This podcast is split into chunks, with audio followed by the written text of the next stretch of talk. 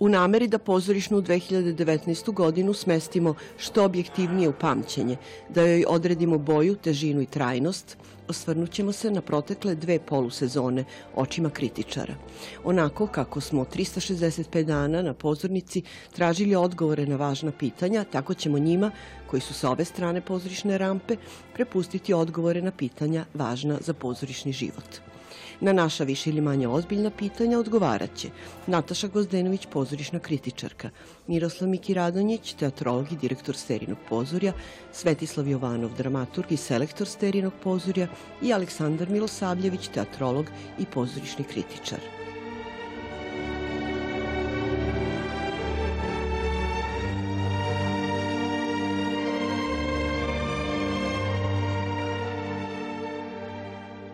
U kakvoj atmosferi je protekla pozorišna 2019. godina na našim scenama? U priličnom sivilu e, je prošla sezona, međutim ima jedan element po kojem se Vojvodina ipak e, razlikuje, a to je e, još uvek ima u Vojvodini energije ima discipline, koliko toliko.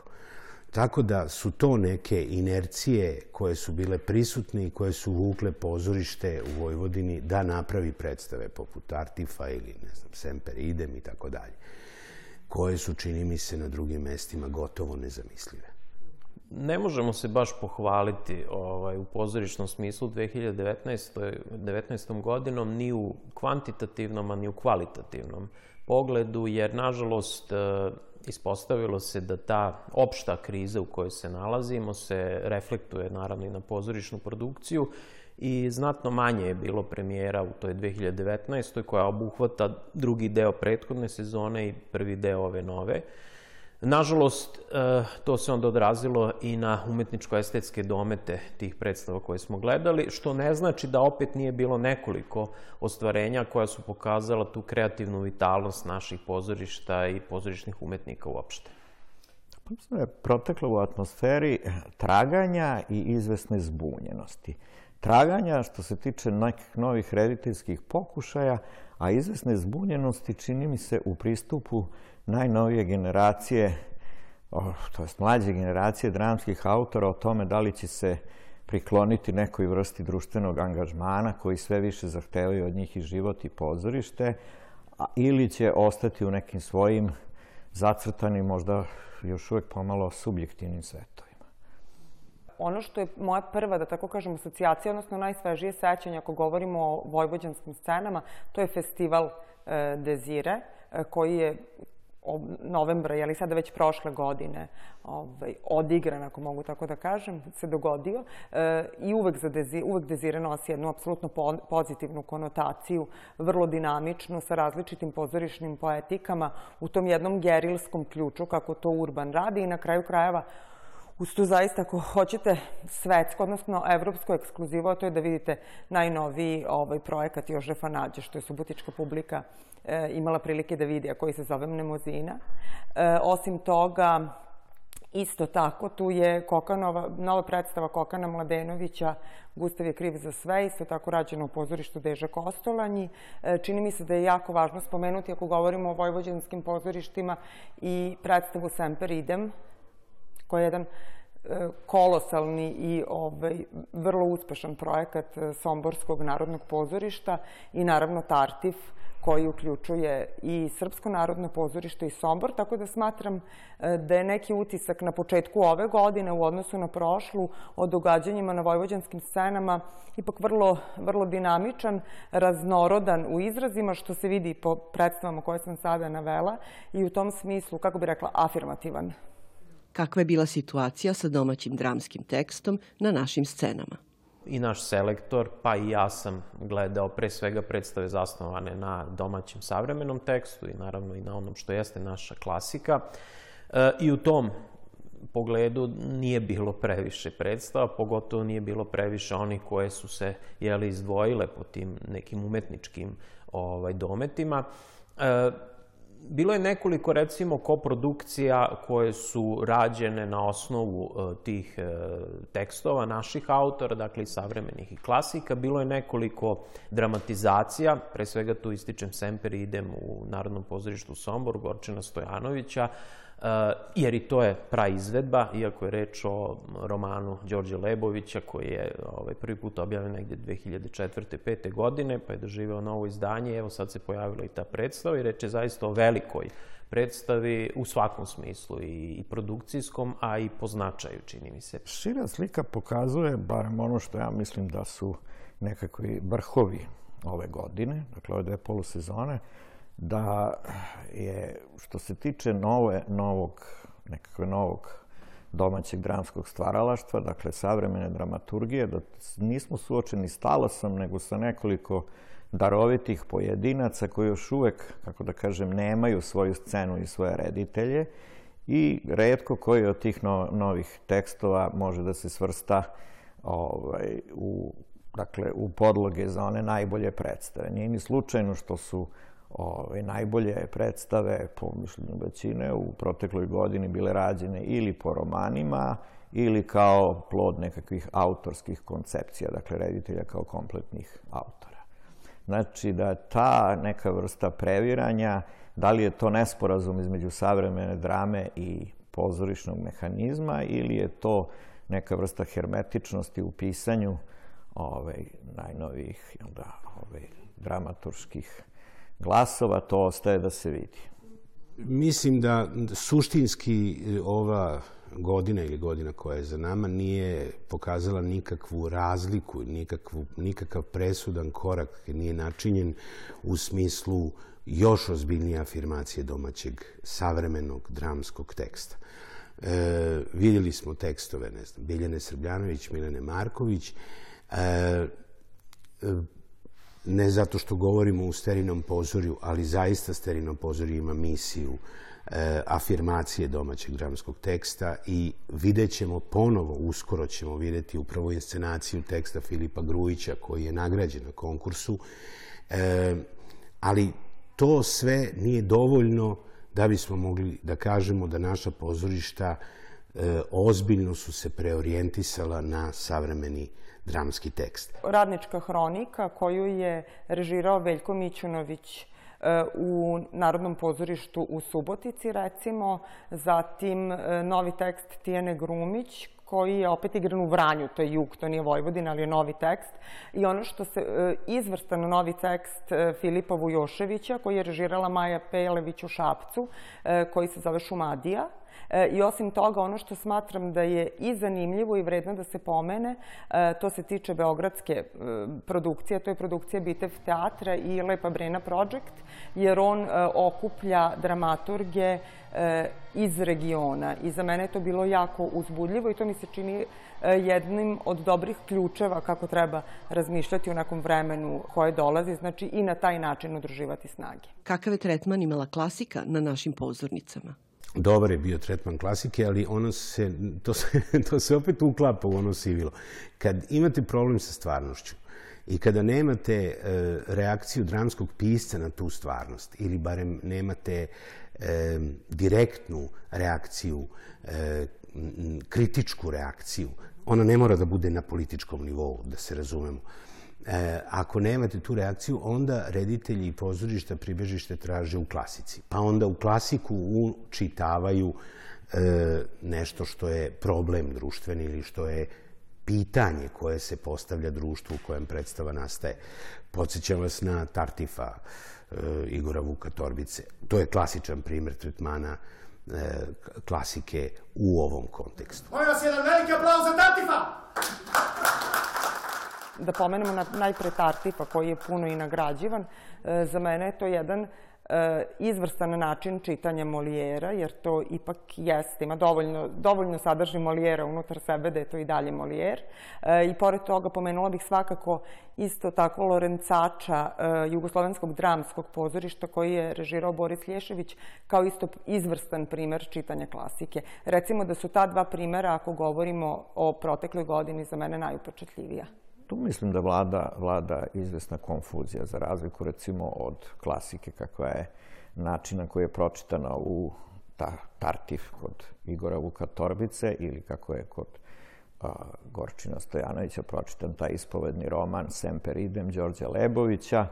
A, većina ostalih uprizorenja klasika može se smatrati neuspešnim i kao neka vrsta protivrečnosti između, između nečeg što je pomodno u rediteljskim postupcima i onoga što klasika zahteva kao temeljno čitanje. Dakle, ne bi se moglo baš nazvati uspešno. Tu se izdvojila predstava Tartif e, Igora Vuka Torbice. To je jedna od tih koprodukcija koje su obeležile e, prošlu godinu e, Narodno pozorište Sombor i Srpsko narodno pozorište. Molijer u jednom savremenom pakovanju, da tako kažem, ali opet bez nekog prevelikog učitavanja iz današnjih perspektive nekih banalnih dnevno-političkih ovaj, stvari i fenomena.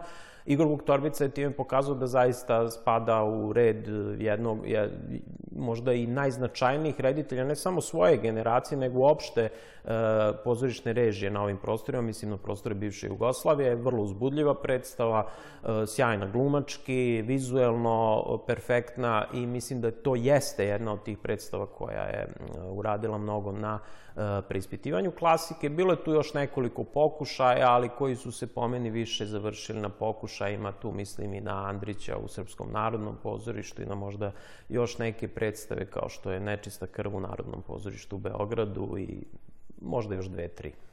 Koliko su bile iznenađujuće neočekivane promene na čelnim mestima pozorišnih kuća? U tom kontekstu ono što je po meni važno to je e, da je, u Sombor, da je na čelu Somborskog e, narodnog pozorišta Bojana Kovačević, odnosno da je tu, e, da su glumci izborili svoje, jeli, tako nekako rečeno, jer to je pitanje i stava, veoma je važno za samo funkcionisanje teatra, da je tu neko, jel tako, validan i dobro prihvaćen od kolektiva. Čini mi se da je to u pozorištima nekako najosetljivije i najbitnije da se tu, da tako kažem, izborila pravda. Ne sećam se da je bilo nekih velikih turbulencija osim u Somboru, eh, gde takođe jednim pomalo e, neosluškivanjem onoga što, e, na koji način razmišljaju umetnici u jednom pozorištu, postavljanje direktora, Ja ne mislim da se trebamo naravno vratiti na samoupravljanje, ali svakako ako se postavlja direktor u jednoj ozbiljnoj instituciji kulture kao što je Narodno pozorište Sombor koje ima status kultnog u svom gradu i koje je posebno mezinče grada Sombora, onda se mora malo razmišljati o tome šta misle i glumci i oni zaposleni u tom pozorištu, jer pozorište nije samo zgrada. Ne, ništa mene ne iznenađuje. To je prosto jedan trend obesmišljavanja pozorišne prakse kod nas. Kad nemate pozorišni sistem, e, koji će garantovati stabilnost funkcionisanja jednog mehanizma, onda se rešenja traže tako u nekim promenama koje su na izgled kozmetičke prirode, da li će biti Žika ili Mika, direktor pozorišta, ne, e, a i u pozorišta su stigli ljudi koji su nekompetentni. Molim da se razumemo, ne mislim da su sva postavljenja besmislena. Evo, imenovaću ono što mislim da je premija za pozorište mladih, to je dolazak Nestorovića i te vrste energije i te vrste spone pozorišnog čoveka i menadžera, recimo mislim da je to pozitivan primer, dobar primer, ali to je izuzetak koji, nažalost, potvrđuje pravilo. Pozitivno je što su, što se tiče vojvođanskih pozorišta, na čelo pozorišnih institucija došli uglavnom producenti ili glumci, predstavnici mlađe generacije. Ostaje da se vidi sad kakvi će biti njihovi Zrenjanin, e, Sombor, pa donekle možda i Subotica. Ovi, ostaje da se vidi kakvi će biti njihovi koncepti, to još uvek ne možemo da sudimo. Što se tiče na nivou čitave zemlje, promena, ja mislim da još uvek nije promenjena ta ravnoteža u nekoj profesionalnom backgroundu vođa pozorišnih institucija. Po mom nekom skromnom brojanju još uvek je gotovo u polovini pozorišta srpskih ovaj, na rukovodećim mestima su glumci. I mislim da to, nezavisno od njihovih glumačkih talenata, nije do sad pokazalo kao srećno rešenje. Da li smo svedoci svojevrsne festivalizacije pozorišnog života i kako komentarišete situaciju sa Niškim festivalom? Ako ćete opravdati festival koji pravite, onda je on validan. A ako nećete selekcijom i uopšte e, kontekstom u u kom on nastaje, onda njegovu validnost možemo propitivati. Drugim rečima, može da bude e, po mom doživljaju i puno festivala ako oni imaju određeni nivo i ako su validni. A što se tiče situacije u Nišu, ne znam što da vam kažem, e, što se same selekcije tiče, smatram da je ona dobro urađena, a s druge strane opet smatram da je prirodno da se dogodila reakcija javnosti koja se dogodila nakon e, informacije da je, da je predsednik države pokrovitelj festivala.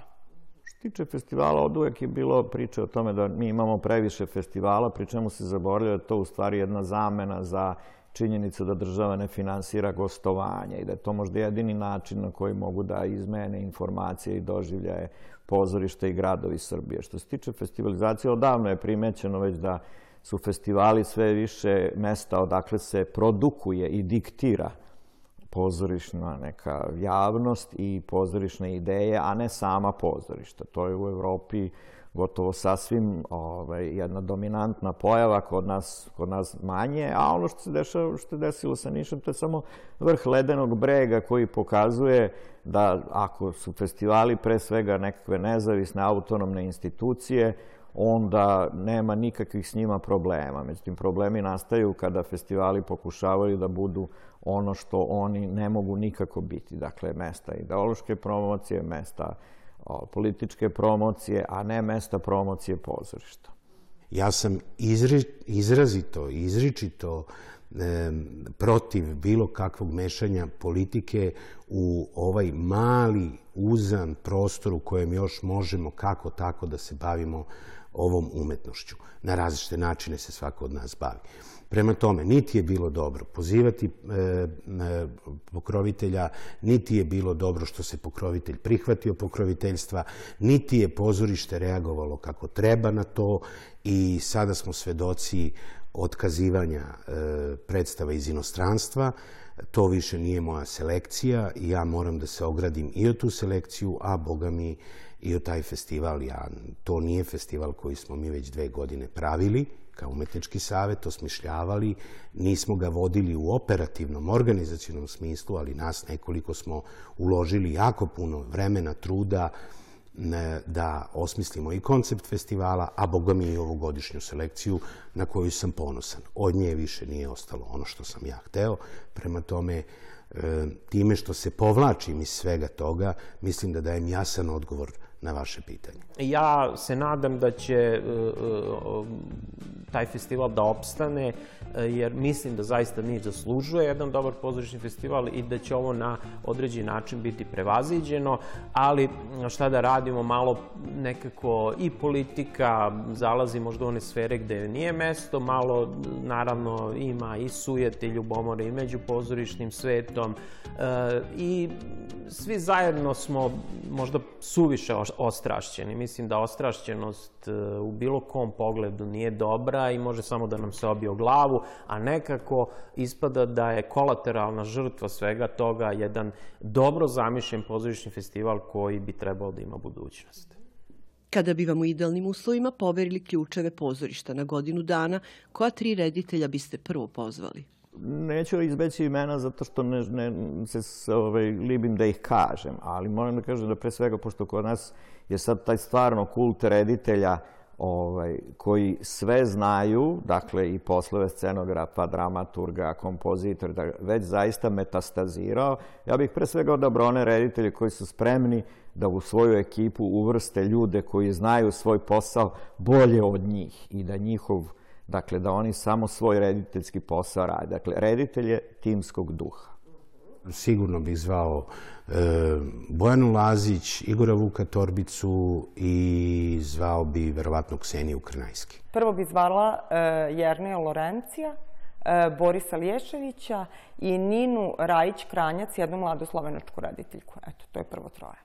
U, u ovom sada, trenutku, mislim da bi svakako Igor Vuk Torbica bio jedan od tih reditelja, jer je u naponu svoje kreativne energije i promišljanja pozorišnog. E, svakako da bi tu možda e, bila i Ana Maričić ili Anđelka Nikolić, e, koje svaka na svoj način donose jednu drugačiju pozorišnu poetiku, rediteljsku poetiku i te predstave u estetskom smislu su zaista zanimljive. Mislim tu i na predstavu Anđe Nikolić Negri u, takođe u Kragujevcu.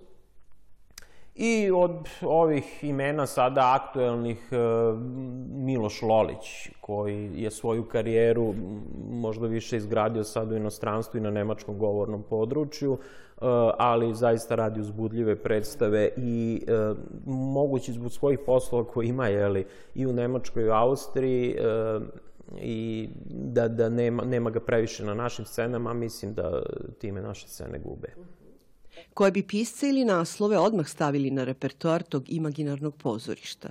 Boris Lješević bi režirao San letnje noći Šekspirov, e, Lorenci bi režirao Gulivera, Guliverova putovanje po Swiftu, a Nina Rajić-Kranjac bi režirala komad Almira Bašovića Sarajevo Feeling.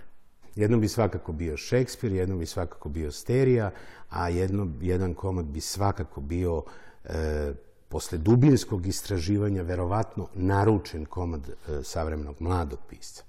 Možda je pre svega potrebno da se vratimo nekoj vrsti revitalizacije moderne naše moderne, to je 60. i 70. godina. Možda je vreme da vidimo u kojoj meri su ti pisci, govorim o piscima od, ne znam, Mihiza do Vece Lukića, Jovana Hristića i tako dalje, i pre svega ovaj, bih se obratio pažnju na, revitalizaciju srpske komedije.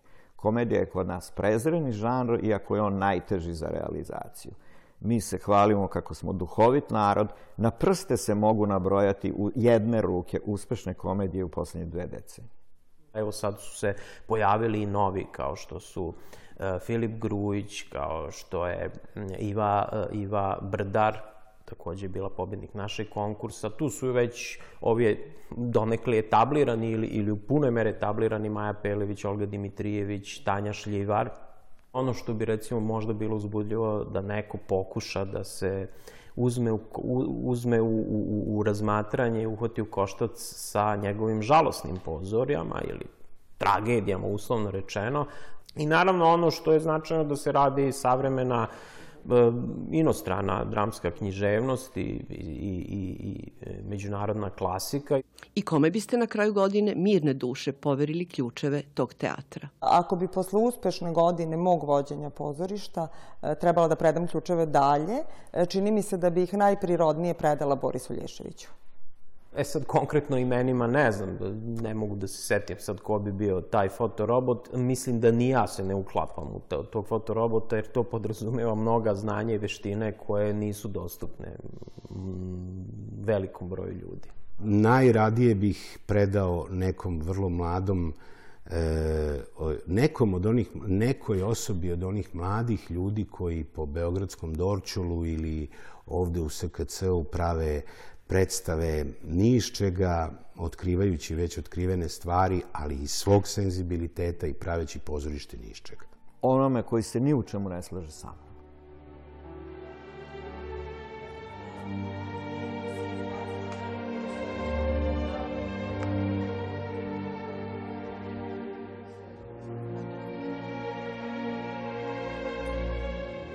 Na kraju, ali ne manje važno, opaska jednog od sagovornika zavredila je da završi ovu emisiju. Razmislite zašto.